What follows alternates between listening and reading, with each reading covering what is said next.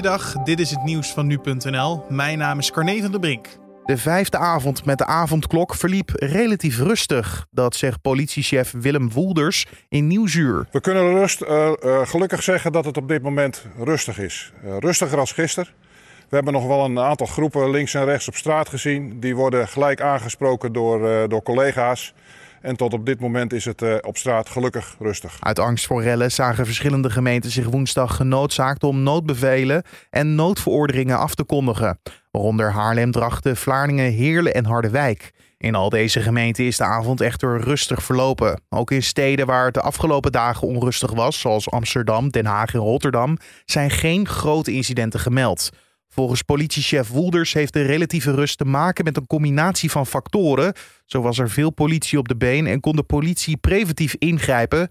Bijvoorbeeld door mensen die opruiende berichten hebben verspreid op te pakken. We zien op sociale media nog steeds heel veel berichten, ook door het hele land heen. En we acteren daarop. Enerzijds om te onderkennen waar iets gebeurt. Maar ik kan u melden dat wij eh, vandaag al een man of twintig hebben aangehouden. die vanuit huis deze opruiming deden. En die zijn door ons opgehaald en die zitten nu eh, in een politiebureau. En ik denk dat dat ook helpt. Artis moet noodgedwongen afscheid nemen van zijn drie leeuwen. Dat zegt de directeur van Artis vandaag in de Telegraaf. Vanwege de coronacrisis heeft de dierentuin geen geld om een nieuw leeuwverblijf te bouwen. En dus zullen ze half februari verhuizen naar een park in Zuid-Frankrijk. De directeur noemt dit een superpijnlijke beslissing en hij maakt zich zorgen om de financiële toestand van het park. De 4 miljoen euro die een nieuw onderkomen voor de dieren moet kosten, kan het park nu niet betalen. Wellicht over drie of vijf jaar. Als gevolg van de coronacrisis leidt de Amsterdamse dierentuin een miljoenenverlies. Eerder kondigde Artis al aan noodgedwongen 20 tot 40 banen te schrappen. In het Rotterdamse pretpark Plaswijk Park is woensdagavond een brand uitgebroken in een theater. Het gebouw was niet meer te redden en mogelijk was er sprake van brandstichting. De brand brak in de loop van de avond uit en door het rieten dak van het gebouw greep het vuur snel om zich heen. Volgens de brandweer waren er zover bekend geen mensen in het gebouw.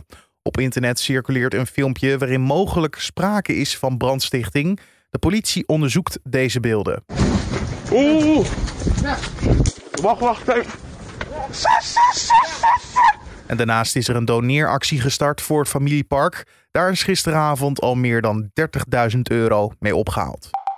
Kinderen bellen of chatten tijdens de tweede lockdown vaker met de kindertelefoon over emotionele problemen zoals eenzaamheid, depressie en zelfdoding dan tijdens de eerste lockdown. Ook blijft het aantal meldingen over huiselijk geweld stijgen. Dat meldt de kindertelefoon op basis van gevoerde chat- en telefoongesprekken.